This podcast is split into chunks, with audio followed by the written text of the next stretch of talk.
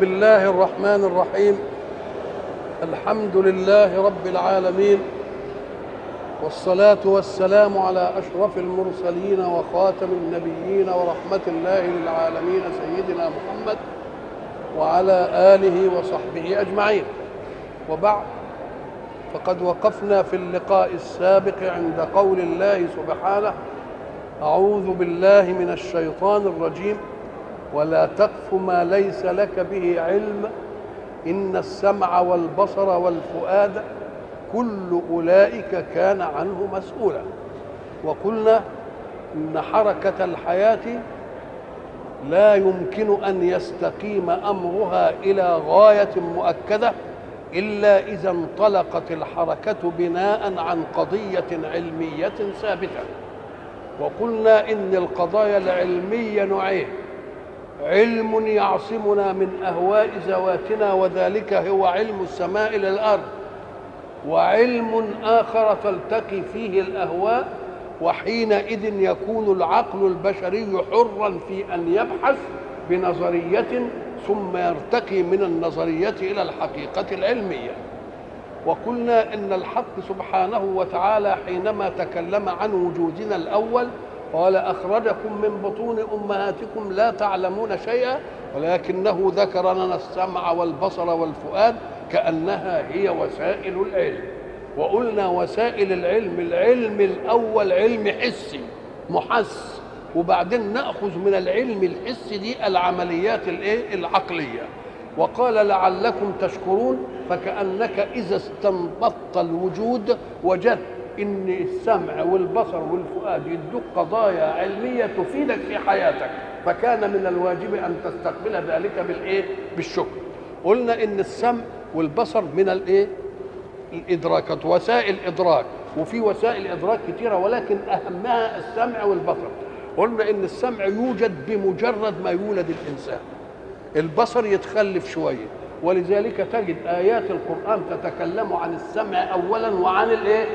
في البصر إيه؟ ثانيا. وقلنا إن السمع ده هو أهم وسيلة إدراكية لتربية المعلومات. حتى الذي يأخذ معلوماته بالقراءة قبل أن يقرأ سمع. ألف دي ب ب مفتوحة ب الله يبقى قبل ما يقرأ عمل إيه؟ يبقى لازم يسمع. يبقى اذا السمع دي أهم إيه؟ أهم حاسة يستقبل بها الإنسان أوليات الإيه؟ العلم. ولذلك قلنا إن هو أول حاسة تؤدي مهمتها.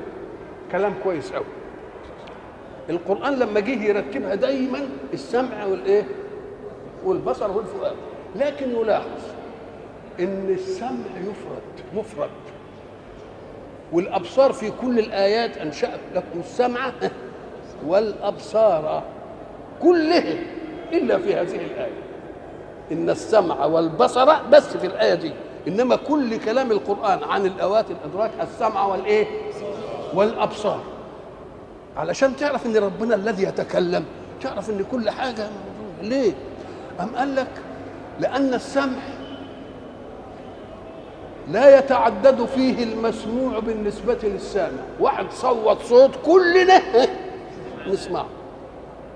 يبقى إذا وحدة الصوت في الآذان واحدة. لكن البصر فيه مرأة قدامنا أهو واحد يشوفه وواحد ما يحبش يشوف.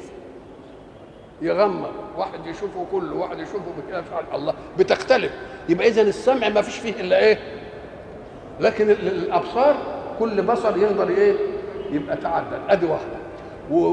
والسمع مقدم على البصر أي في الوجود. يبقى اذا خدنا ملحظين اثنين أن السمع مقدم على الإيه؟ على الأبصار. والسمع مفرد والإيه؟ والأبصار مجموعة. إلا في هذه الآية. إن السمع والبصر. تقول ليه بقى؟ قال له بيتكلم رب. ليه؟ لأنه بيتكلم عن المسؤولية. والمسؤولية ليست مشاعة عند الأسماء الأبصار. ده المسؤولية واحدة. مسؤولية إيه؟ ما دام كان مسؤولا يبقى أنا مش مسؤول عن بصرك إنما مسؤول عن بصري أنا. يبقى كل واحد مسؤول عن إيه؟ عن بصري. يبقى اذا تحدد. وأيضا كل آيات السمع والأبصار السمع مقدم على الإيه؟ على البصر. قلنا علشان إيه؟ عشان حاجتين اثنين لأنه أسبق منه في أداء مهمته. وأيضا لأنه الحاسة الوحيدة التي تؤدي وظيفتها دائما حتى والإنسان نائم. لأن بها آلة الاستدعاء. يخبط عشان يسمع. ومع عينه مغمضة يبقى ما يشوفش. يبقى إيه؟ الله. ولذلك قلنا إن الحق سبحانه وتعالى حينما أراد أن ينيم أهل الكهف 300 سنة وتسعة اتكلم في حتة خاصة بالسمع. لو أنه سايب السمع عشان يؤدي مهمته كما تؤدى دائما كان أصوات الريح. وأصوات الوحوش والحيوانات والدنيا والطبيعة والمش عارف إيه كان يخلوهم قلقانين في النوم. أم قال لا وضربنا على آذانهم في الكهف سنين عددا. يعني قلنا يا أذن تعطلي عن مهمتك. إذا لو لم يضرب الله على آذانهم إيه؟ ما كان كانت فضلوا يسمعوا ما يستقروش في الإيه؟ في في, ال في النوم. وبعد ذلك تجد آية واحدة مش تقدم فيها البصر على السمع لا. تقدم فيها مشتق من البصر على مشتق من السمع مش السمع والبصر. إيه إيه لما لما تقوم القيامة كده وبعدين الناس يفجعوا كده ويقوموا يقولوا إيه ربنا أبصرنا وسمعنا. لأنه أبصر قبل أن يسمع. أبصر دي في الإيه؟ في الآخرة. يبقى اذا استوفينا حكاية السمع والإيه؟ والبصر. على الأول السمع والبصر في التلقي قلنا السمع اولا والبصر وبعدين الفؤاد والآخرة دي. ده في التلقي. في تلقي القضية العلمية اللي إحنا هنجعل حركتنا تتبعها أم قال لك وأيضا في الإعطاء. لأن اللي خلقني هذا وإذا سمعوا اللغو أعرضوا عنه. يبقى يا أذن ما تسمعيش إلا الكويس. يا مربي النشء ما تسمعش أذن إلا الكويس. يا عين ما تشوفيش إلا الإيه؟ الكويس اللي ما يهيكش غرائزك ناحية الشهوات. يا مربي احجب عن المربى المراء التي تهيج فيه الغرائز الفاسدة. الله يبقى عشان تتربى عنده معلومات إيه؟ معلومات صحيحة تنبني عليها حركة إيه؟ حياته. كذلك في الإعطاء. إياك أن تشهد إلا بما سمعت. اوعى تقول سمعت وأنت ما سمعتش.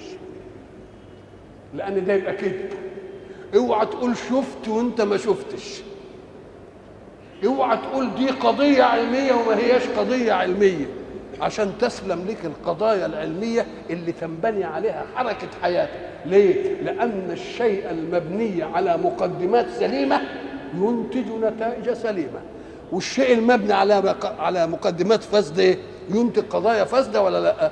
ينتج قضايا إيه؟ فاسدة ولا تقف أي لا تتبع. ما ليس لك به علم. معنى ذلك لا تتبع في حركة حياتك إلا عن علم. العلم له وسائل سمع وبصر وإيه؟ وفؤاد. إن السمع والبصر والفؤاد كل أولئك كان عنه مسؤولا. وبعد ذلك يتكلم الحق عن قضية التوازن الاجتماعي في المجتمع. لأن الآيات كلها ماشية على إنه يعمل مجتمع متوازن. فالمجتمع المتوازن لازم يصدر في حركته عن إله واحد. ولذلك قال أول حاجة لا تجعل مع الله.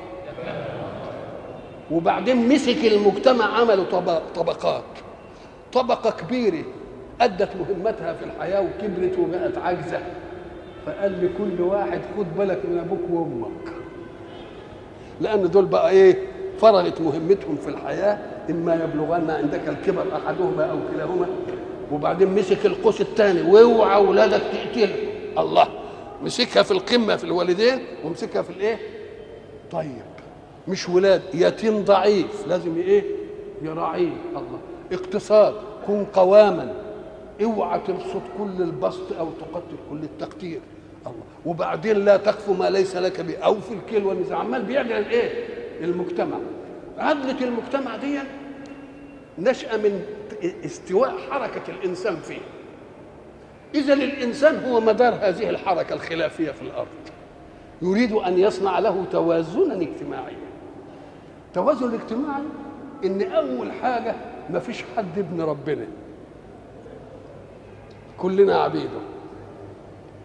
وإن تفاوتت أقدارنا في الكون فالتفاوت في الأقدار ده قلناه لا تنظر إليه من زاوية واحدة ولكن انظر إليه من مجموع الزوايا في النفس الإنسانية.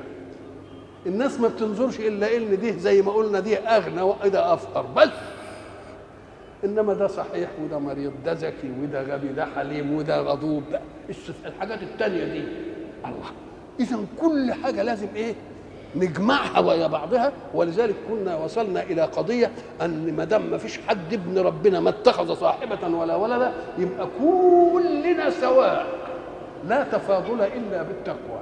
إن أكرمكم عند الله مش أكرمكم اللي اديته دي واديته دي لانني اديت كل واحد مقومات. هذه المقومات موجودة فيه ومفقودة في إيه؟ في غيره. فإن نظرت في مسألة المقارنة يبقى هات مجموع كل إنسان وقارنه بمجموع كل إنسان.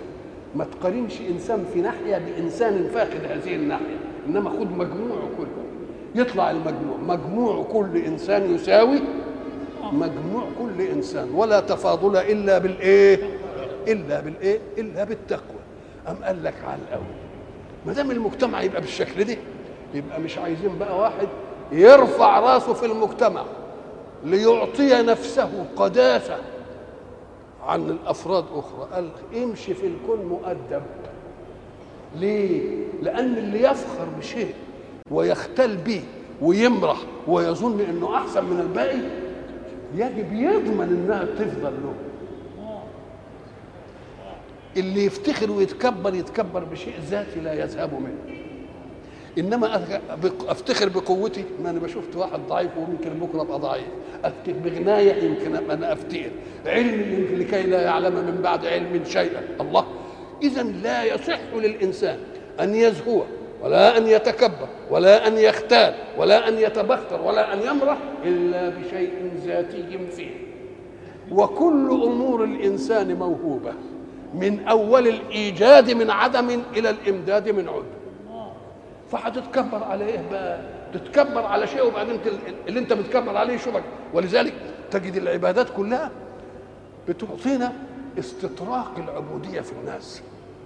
ساعة ما ينادى للصلاة كده وبعدين في رئيس مثلا للعمل أو رئيس للإدارة. وبعد ذلك يبادر إلى الأذان. والبواب الفراش طلع. واللي بيعمل إيه مش عارف. كله. وبعدين يدخلوا بيدخلوا المسجد وقد خلعوا أقدارهم عندما خلعوا نعالهم. وكلهم بقوا إيه؟ والبواب واللي بيفتكر إنه في مهنة حقيرة شاف الوزير ولا مش مش قادر أقول المحافظ شاف كده عمال ساجد زيه وعمال بيخضع وعمال بيضرع. يقول يا سلام يبص له كده. لا والمهم مش كده. إن نفس المتع... الكبير أو الرئيس رأى مرؤوسه يراه في موقف ذلة أمام الله. إيه؟ لازم كلنا ننعدل بقى. يبقى إذا اوعى تمشي في الأرض مرح ولا اختيال ولا تبختر. ليه؟ لأنك أنت لن تصل إلى إنك أنت لما تمشي كده تخرق الأرض برجلك. هتفضل الأرض صلبة برضه وأنت ما تقدرش تخرقها. والجبل الجماد اللي هو أدنى أجناس الوجود أعلى منك برضه. ولذلك شوف شوف بقى التهزيء.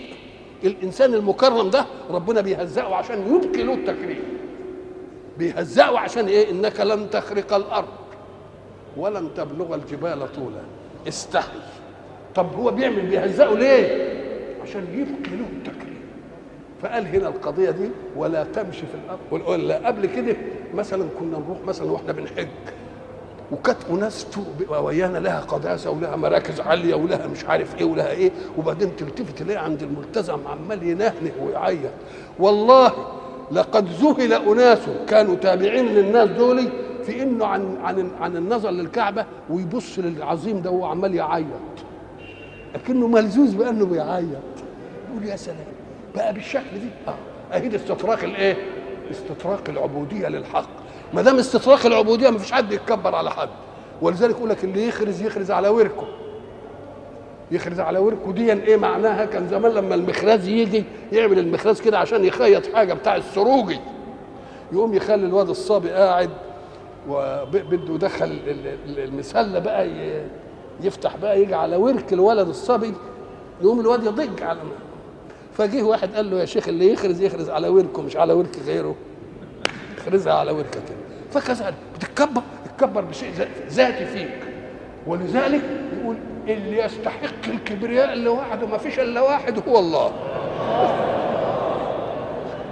وكون الكبرياء لله دي عشان عصمتنا من من الاتضاع لغيرنا من كبرياء الكذب في البشر. بولاني بس لوحده اللي ينازعني دي أضيعه. ليه؟ قال لك لأنك تتكبر تتكبر بحاجة في بحاجة في ذاتك. ولا تمشي في الأرض مرحا وبعدين يهزعه. يجيب أدنى الوجود اللي هي الأرض اللي تحت رجله والجبل. لن تخرق الأرض ولن تبلغ الجبال. إيه؟ بقى في ولذلك إحنا بنقول الأجناس التي ينتفع بها الإنسان في الوجود كتير. ينتفع الأول بال- بالجماد. والجماد ينفع النبات وينفع الحيوان وينفع إيه؟ الإنسان. والنبات ينفع اللي اعلى منه. ينفع مين؟ الحيوان والإنسان والحيوان ينفع مين؟ يبقى الإنسان. الإنسان دي هنقف عنده كده. يبقى اذا أدنى الأجناس في الأرض هي إيه؟ الجماد الجماد يعني بيخدم النبات يديله غذاء ويديله مش عارف إيه. وبعدين النبات يخدم اللي اعلى منه. يبقى الجماد عمال يخدم النبات. والحيوان. والإنسان والنبات بيخدم اللي اعلى منه الحيوان والإنسان والحيوان بيخدم اللي اعلى منه اللي هو إيه؟ الإنسان. بقي للإنسان يقول له أنت بتخدم مين؟ حضرتك بقى. دور لك على حد يخدمه والا كانت الأرض أحسن منك والحجر أحسن منك. إن لم تبحث لك عن مهمة في الوجود يبقى هذه الأشياء أقل همه ولذلك تجد في فلسفة الحج شيء عجيب. الجماد اللي هو أدنى الاجناس ده اللي بيخدم كل الاجناس نروح نحج. يقوم ربنا وضع لنا حتة قطعة حجر من الأرض. وحاططها كده في الكعبة. اولا الكعبة نفسها حجر من الجبل. وكلنا بقى عمالين إيه نطوف حواليه ونيجي عند حتة كده في الحجر الأسود ونقف عنديه ونقعد بقى نحايل عشان نعمل إيه؟ عشان نبوسها واللي ما يبوسهاش إيه؟ يعتبر نفسه ما حجش. ويبقى متضايق. بقى شوف الإنسان المخدوم الأعلى للأجناس كلها وقف عند الخادم الأدنى وهو الجماد عشان بس يبوسه. فيه استطراق أحسن من كده إيه بقى؟ استطراق عبودي عجيب يخلي الإنسان إيه؟ والنبات اللي الواحد عمال بياخده وينتفع بيه يجي في الح- الحج يقول له اوعى تقرب للنبات ده اوعى تخلعه. الله الله الله. والحيوان اللي إحنا أقول لك اوعى تصيد الإيه؟ البتاع. الله. بي بي شوف بيدي إيه؟ الأشياء اللي خدمتني يجي عليا وقت ويعملها في العمر مرة عشان لمح الأصل. إنك أنت يا إنسان ما تنغرش في انني خليت دي مخدومك لا اهو الجماد اهو روح علشان تبوسه ال- النبات اوعى تقدم له. الحيوان اوعى تصطاده. الله. ليه؟ بيعمل استطراق عبودي في الكون. الاستطراق العبودي في الكون دي ما حدش يخدشه ابدا بمرح.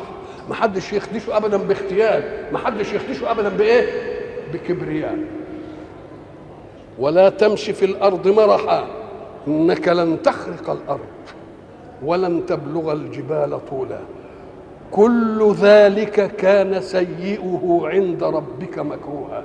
كل ذلك أي كل الأشياء اللي, اللي إنك تعبد غير إله تمسكها من الأول. تهين الوالد تقتل ال- ال- ال- الأولاد تضيع مال اليتيم. آه، ما تمشيش قوام في, في, في اقتصادك. آه، الزنا ما تطهرش الناس. كل الحاجات اللي قال لك دي كل ذلك كان سيئه لأن المتقدم فيه سيء وفيه إيه؟ وفيه حسن. سيئه هو الإيه؟ المكروه. المكروه من مين؟ مكروه من الله. وربنا ما بيكرهش كده. أنت قد تكره لأن مزاجك كده. إنما ربنا ما يكرهش إلا من خالف إيه؟ من خالف منهج العبودية له. كل ذلك كان سيئه عند ربك. مكروها ذلك يعني اللي تقدم كله من أول إيه؟ لا تجعل مع الله إلها آخر. ادي واحدة. وبعدين يجي للناس الكبار اللي هم الجيل المنقضي اللي هينقضي. وقضى ربك ألا تعبدوا إلا إياه. وبعدين إما يبلغن عندك الكبر احدهم واخفض لهما جناح الذل. ربكم أعلم. إلى وبعدين إيه الايه خد الدايرة اللي بعد الأبوين والوالدين يبقوا ذي القربى خلي كل واحد منا يمسك أبويه ويعمل فيهم الإكرام ده وكل واحد منا يجي لأقربائه إيه؟ وآت ذا القربى حقه والمسكين. الدوائر تتداخل ولا لأ؟ آه تلتفت تلاقي الغلبان له ألف واحد داخل هو في دايرته. يبقى إذا رأيت عورة في في الكون فاعلم إن الفرد عمل إيه؟ هو اللي إيه؟ هو اللي مقصر. وآت ذا القربى حقه. ادي واحدة وبعدين يتكلم في الميزان الاقتصادي المبذلين كانوا إخوان الشياطين. ليه؟ لأن اللي هيبسط كل البسط يعمل إيه؟ ما يبقاش عنده طموحات حياة ما يجيبش حاجات ما يرقيش حياته. واللي بيبخل يعطل حركة الوجود والبطالة تيجي ومش عارف إيه. طيب على الأول. ولا تقتلوا أولادكم خشية إملاق برضه آدي من طيب. وبعدين ولا تقربوا الزنا عشان طهارة مين؟ طهارة الأمثال وكل واحد يعتقد إن الولد ده هو منه ما دام يعتقد إن الولد ده هو منه يبقى يعمل إيه؟ يحسن القيام على تربيته لأن كثير من اللي بتشوفهم من ماشيين في الشارع ما لهمش أهل ولا سايبينهم كده الآباء يمكن حصل عندهم شك أو ظن إنهم مش إيه؟ إنهم مش أولادهم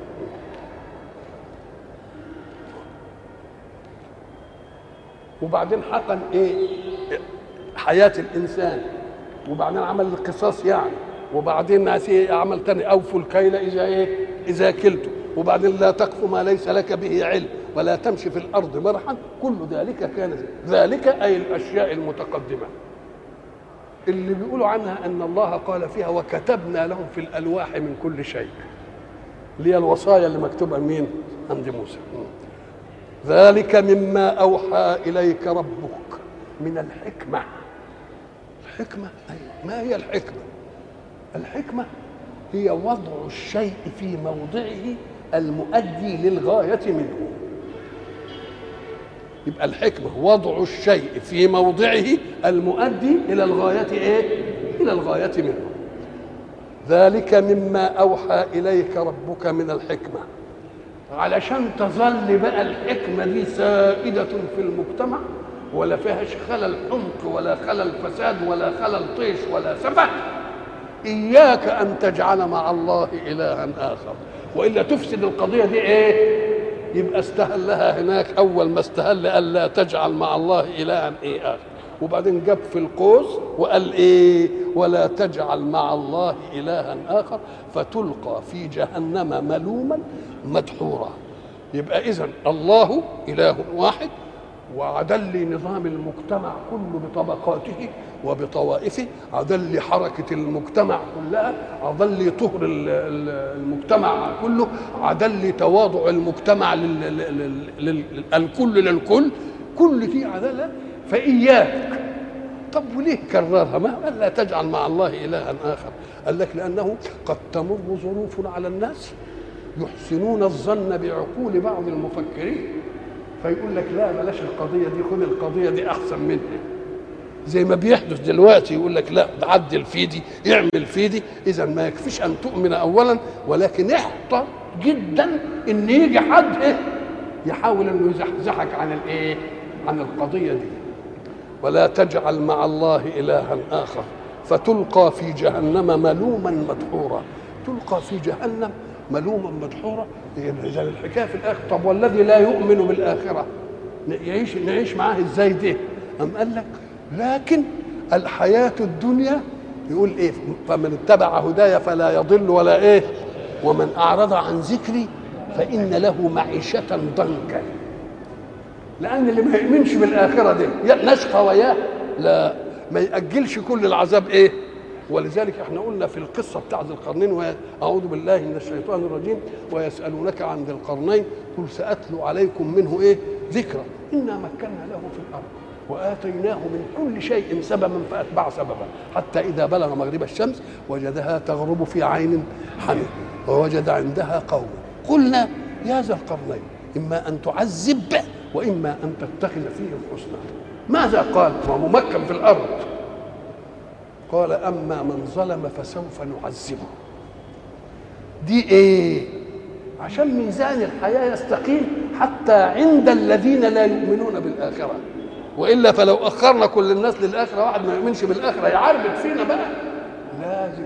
ولذلك يقول لك إيه؟ لا يموت ظلوم في الكون حتى ينتقم الله منه. مش ممكن. مش ممكن. لازم ساعة ما تشوف ظلم ومن العجيب أن أن أن, أن الذي ظلم لا يؤجل الله عذابه إلى أن يموت المظلوم. بل لازم يشوفه كده. اللي يشوفه ظالم يشوفه إيه؟ يشوفوا حالته شكل. ولذلك إحنا قلنا زمان قضية قلنا إن إن الظالم لو علم ما أعده الله للمظلوم لضن عليه بالظلم. يقول لا ده ابن كلب ما يستحقش إن أظلمه. بقى أنا أظلمه وربنا يديله. لا لا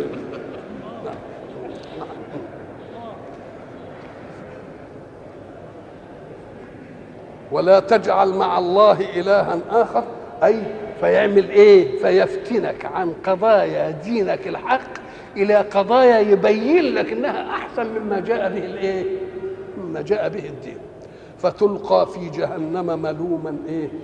مدحورا. مدحورا يعني مطرود. مبعد.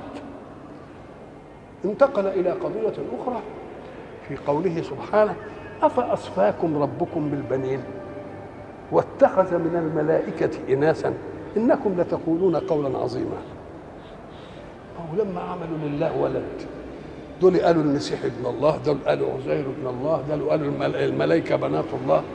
قام قال لهم طيب يعني خليكم بقى يعني بقى اللي يخلق.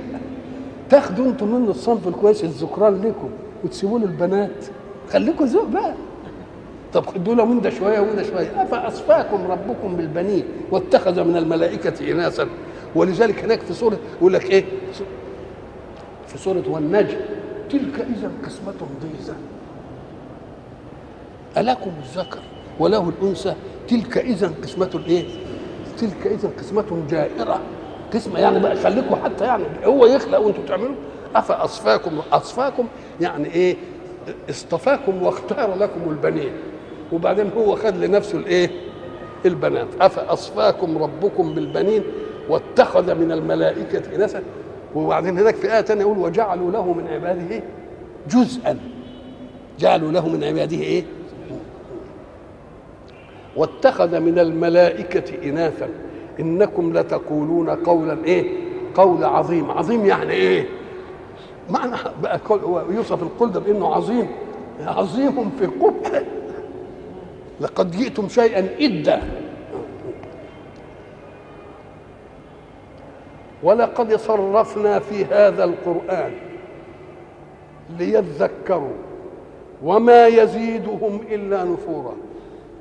كلمة صرفنا معناها حولنا الشيء من حال إلى حال. يجي ظاهر قوي في قول الحق سبحانه وتعالى وتصريف الرياح. تصريف يعني تغييرها من حال إلى حال. بينما تجد الرياح كده سجسج آه نسيمه عليل آه وبعدين تجده مرة رخاء يعني أقوى شوية وبعدين تجده مثلا إعصار يدمر. بينما تراه ريحا مثلا ريح عقيم مثلا تيجي رياح لواقح. إذا تصريف الشيء معنى التصريف إيه؟ تحويل الشيء من حال إلى إيه إلى حال طب وصرف المسألة دي إيه أم قال لك يا أخي صرفها في اتخاذ الإيه؟ الأبناء لله والاتخاذ لشركاء الله عالجها في كثير من المسائل زي ما قلنا ألكم الذكر وله الإيه؟ ينسى تلك إذا قسمة الإيه؟ وجعلوا بينه وبين الجنة نسبا ولقد علمت الجنة أنهم لإيه؟ آه لمحضرون أفأصفاكم ربكم للبنين كل كل شوية كده يكرر إيه؟ يعني يجيب لك حال في الموضوع ده لكنه لأنه أمر مهم آه. ولقد صرفنا في هذا القرآن يعني عالجنا هذا الموضوع علاجات متعددة في مقامات مختلفة من صور القرآن ودي معناها إيه؟ لأن القضية اللي تهم كل ساعة إيه؟ ولذلك لما يجي حد بده يأكد أهمية حاجة يقوم يعمل لها الإيه؟ التكرار، إما أن يكون التكرار في ذات الشيء وإما أن يكون التكرار في اللفت للشيء. يعني مثلا إذا قرأت مثلا سورة الرحمن أعوذ بالله من الشيطان الرجيم خلق الإنسان من إيه؟ من صلصال كالإيه؟ فخار. وخلق الجنه من مارج. فبأي آلاء ربكما تكذبان؟ رب المشرقين ورب المغربين. فبأي آلاء ربكما تكذبان؟ مرج البحرين يلتقيان. بينهما برزخ لا فبأي آلاء ربكما إيه تكذب. يخرج منهما اللؤلؤ والمرجان فبأي آلاء ربكما تكذب. وله الجوار المنشآت في البحر كالأعلى فبأي آلاء ربكما تكذب. كل من عليها. فبأي آلاء ربكما إيه تكذبان يسأله من في السماوات والأرض كل يوم إلى أن تنتهي الإيه عمال فبأي آلاء ربكما تكذبان فبأي يقول يعني يقولوا له بأي نعمة من دول إيه؟ تكذبوا ولقد صرفنا في هذا القرآن ليذكروا وما يزيدهم أي التصريف وتكرار الأمر إلا نفورا من القضية. ليه نفور؟ بيزدادهم نفور. لأنهم عايزين سلطة زمنية. عايزين إيه؟ سلطة زمنية. معنى سلطة زمنية الأول لما لما لو درسنا مثلا تاريخ القوانين في العالم نقوم نجد إن القانون الوضعي اللي وضعه البشر ما جاش الأول. ده القوانين الأول كان بيوضعها الكهنة. الكهنة اللي هم منسوبين لمين؟ للدين ولله يبقى كله تقنين كان لمين؟ للكهنة. أمال إيه اللي خلى الناس يرفضوا تقانين الكهنه ويجيبوا تقانين جديدة من عندهم؟ أم قال لك لأنه وجد أن الكهنة يحكمون في قضيات اليوم وبعدين يمر مدة كده ويحكموا في مثل القضية حكم مقابل ومخالف.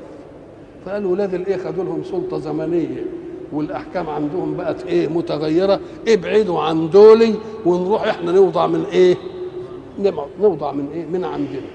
إذا الحق سبحانه وتعالى السلطة الزمنية هي اللي بتخلي الذي كان يؤمن بشيء قبل أن يجيء حين يجيء يكفر به.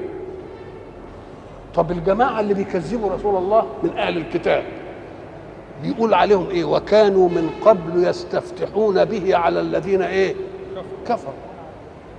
طب أهل الكتاب اللي هم اليهود اللي قاعدين في المدينة كان قدامهم ناس بيعبدوا أصنام وأوثان اللي هم بتوع قريش العرب يقوموا يقولوا لهم سيأتي زمان ويجي نبي والنبي ده هيجي هنا وهنتبعه ونقتلكم فيه قتل عاد وإرم.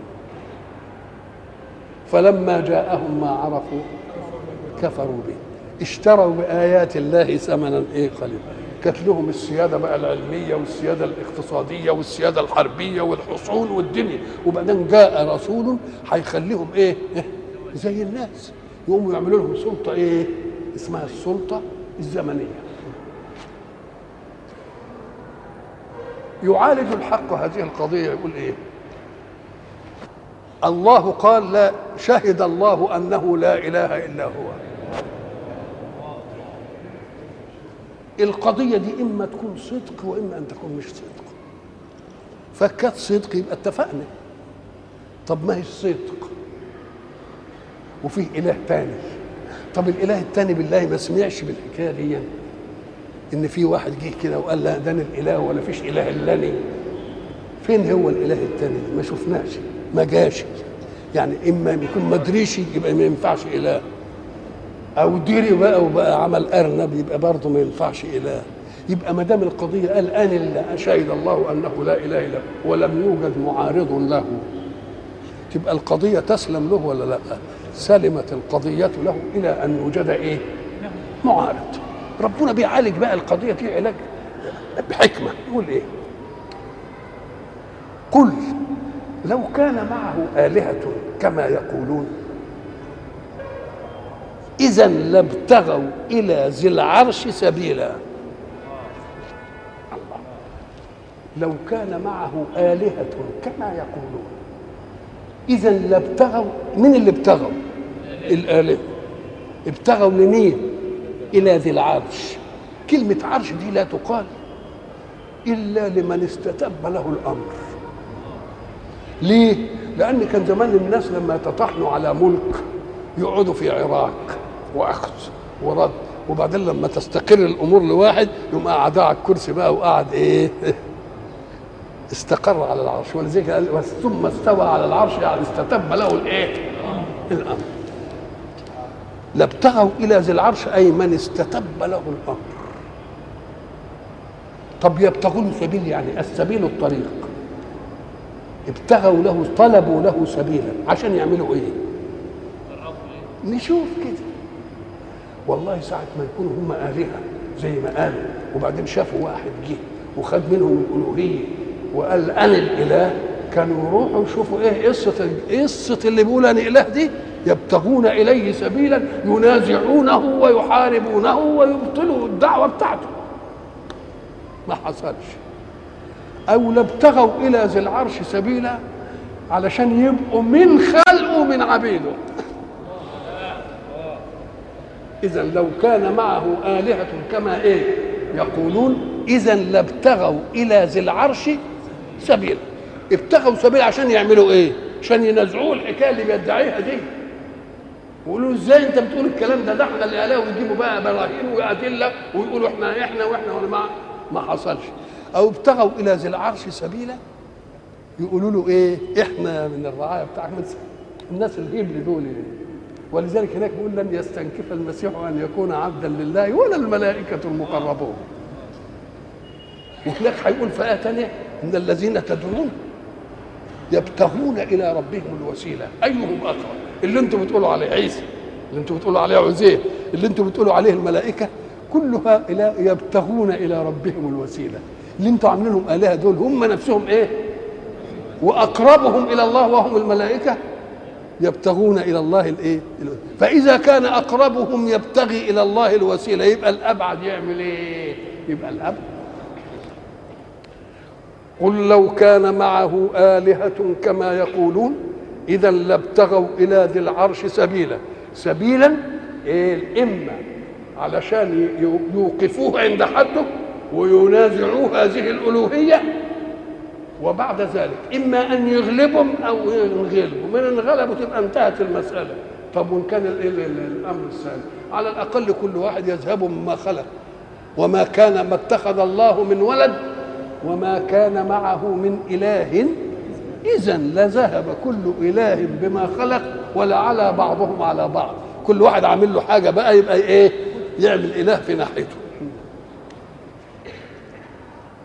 قل لو كان معه آلهة كما يقولون إذا لابتغوا إلى ذي العرش سبيلا. سبحانه. ساعة ما نقول سبحانه يعني تنزيها له في ذاته وفي صفاته وفي أفعاله. فإن رأيت إنك لك ذات ولله ذات ذاته غير ذاتك. إن رأيت إن لله فعل وأنت لك فعل يبقى فعله غير فعلك إن لقيتك لك صفة لك سمع ولك بصر ولك مش عارف إيه فلله برضه سمع وبصر اوعى تقول إن هو إيه؟ إن هو زيه ليه؟ قال لك لأن المختلفات في الوجود بتختلف حسب الموجود. إزاي يعني؟ افرض مثلا إن العمدة آه شيخ البلد في البلد آه بنى حتة بيت كده وعمل له مصطبة كويسة كده. وبعدين العمدة تروح عنده تلاقيه عمل على قد إيه؟ أهو ده بنى بيت وعمل مصطبة وأوضة جلوس. بس مناسبة لمين؟ مناسبه له وبعدين تتنقل تروح للمأمور تلاقيها ارقى شوية تروح لمثلا المحافظ ارقى شوية تروح ل... الله. اذا كل الأشياء في المتساوي بتتفاوت بتت... بتفاوت الناس. فهات التفاوت بين إله ومألوف بين رب ومربوب. وبين عابد ومعبود. يبقى لازم يجي الفرق ولا لا؟ فإذا كان لله سمع ولله بصر اوعى تقول زي سمعي واوعى تقول زي إيه بصر؟ الله يفعل. وأنت مثلا إيه تفعل. تقول لا ما هو فعلك مش زي إيه؟ مش زي فعله. سبحانه وتعالى عما يقولون علوا وعلو كبير. ليه؟ لأن الناس بتتفاوت في العلو. إنما هو إيه؟ علو كبير. طب ليه ما قالش علو أكبر؟ إحنا قلنا زمان في كبير وأكبر فلسفة استعمال اللفظ في في موضوع. إحنا مثلا من أسماء الله إيه؟ الكبير. قال من أسمائه الأكبر ولا من أوصافه بس؟ لكن في شعار الصلاة بنقول إيه؟ الله كبير أو الله أكبر. الله. طب كنا نجيب الاسم ده اسمه الإيه؟ الكبير. أم قال لك لأن لما نقول أكبر يبقى المقابل شريك له في الكبر بس ده أعلى شوية. إنما لما نقول كبير يبقى اللي دونه صغير. يبقى اللي دونه إيه؟ صغير. سبحانه وتعالى عما يقولون علوا كبيرا تسبح له السماوات السبع والأرض ومن فيهن وإن من شيء إلا يسبح بحمده ولكن لا تفقهون تسبيحهم إنه كان حليما غفورا. إحنا قلنا إن التسبيح هو التنزيه. والتنزيه لله ثابت قبل أن يوجد من خلقه من ينزهه هو منزه وإن لم يوجد من نزه لأن الخلق بعده. الصفة كائنة له قبل أن يوجد من ينزهه. ولذلك يقول سبحان يعني إيه؟ تنزيه ثابت له. قبل أن يوجد من, من؟ الله خالق. أهو خالق بعد أن خلق ولا هو خالق قبل أن يخلق؟ طب ده هو خالق قبل أن يخلق لأن بيكون خالق إيه؟ ذهب ليخلق. ولا ولا ولا الخلق جاله لما خلق؟ طب واحد تقول لك فلان شاعر. عرفت إنه شاعر منين؟ القصيدة. الله هي القصيدة دي اللي خلته شاعر؟ ده هو شاعر قبل أن يقول القصيدة. وبالشعر عنده كملكة قال القصيدة. يبقى إذا صفات الكمال في الله موجودة قبل أن يوجد الخلق. يبقى التنزيه لله موجود قبل أن يوجد الله ولذلك قلنا زمان أن استهلال الصور بالتنزيه تمسكها في القرآن مرتبة. في سورة الإسراء مثلا يقول سبحان الذي أسرى. سبحان يعني تنزيه ثابت لله قبل أن يخلق من ينزهه. طب وبعدين خلق. الخلق أنواع. الإنسان أكرم المخلوقات إنما جاء على خلق قبله الأول السماوات والأرض. يقوم يقول لك برضه في أوائل الصور كده بالترتيب أهي. أوائل الصور. سبحان الذي أسرى. يبقى تنزيه لله قبل أن يوجد من ينزه. هذه واحدة وبعدين تمسك سبح لله ما في السماوات والأرض. ومرة سبح لله ما في السماوات؟ إنما سبح. وهل سبح مرة وانقطع التسبيح؟ ولا يسبح لله ما في السماوات وما في الأرض. يبقى إذا سبحان ثبت له التسبيح وإن لم يوجد المسبح. وبعدين سبحت السماوات والإيه؟ والأرض واللي في السماء وفي الأرض. وما انقطعش التسبيح. إيه؟ يسبح لله ما في السماوات وما في الأرض. فما دام سبح سبحان له وسبح له ويسبح الآن له أنت أيها الإنسان لا تكن نشازا في الوجود. فسبح باسم ربك الأعلى. ما تبقاش نزاز أنت بقى. سبح انت راخر تسبح له السماوات السبع والأرض ومن فيهن. وإن من شيء إلا يسبح بحمده ولكن لا تفقهون تسبيحه إن من شيء ساعة ما تسمع إن من شيء تبقى أفهم إنها ما. ما من شيء يعني حاجة يقال لها شيء الشيء دي جنس الأجناس. الشيء دي أقل ما يقال له شيء. ما يقال له إيه؟ وإن من شيء إلا يبقى كل شيء في الإيه؟ في الوجود إيه؟ يسبح.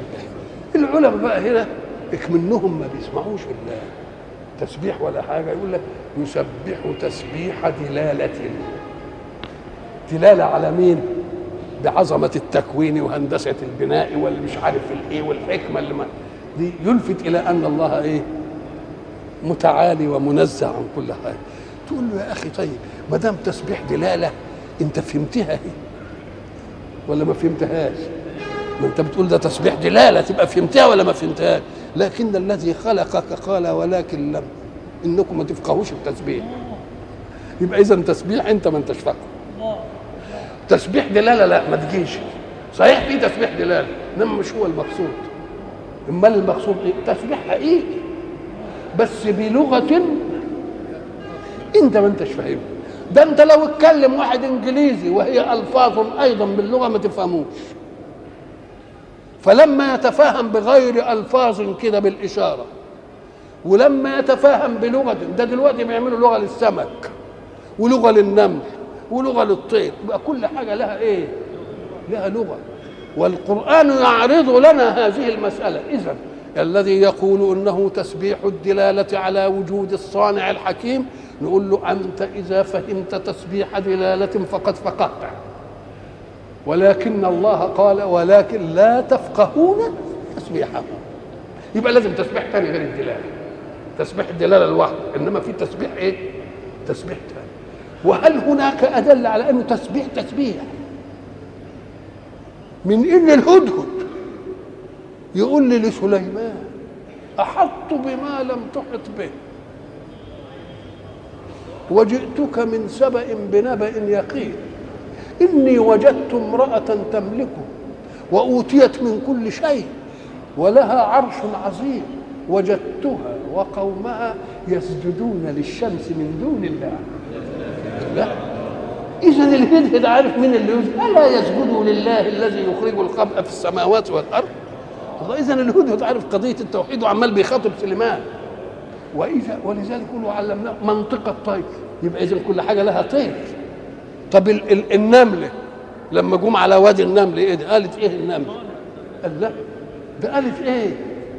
يا, يا أيها النمل ادخلوا مساكنكم لا يحتمنكم سليمان وجنوده وعدالة الحكم مش يحتموكم تجبرا هم ما يشعروش بكم. الله. اذا في ديدبان وفي مش عارف يقول لك لا ما تعملوا إيه؟ الله. ولذلك كان بعض الناس يقول في معجزاته صلى الله عليه وسلم وسبح الحصى في يد رسول الله صلى الله عليه وسلم. سبح الحصى في يد مين؟ رسول الله صلى الله عليه وسلم. قال له سامعه يا أخي ويسبح الحصى في يد أبي جهل. قل عشان تعدل عبارتك. وسمع رسول الله تسبيح الحصى في يده. هذا الكلام اللي قال وإلى لقاء آخر إن شاء الله.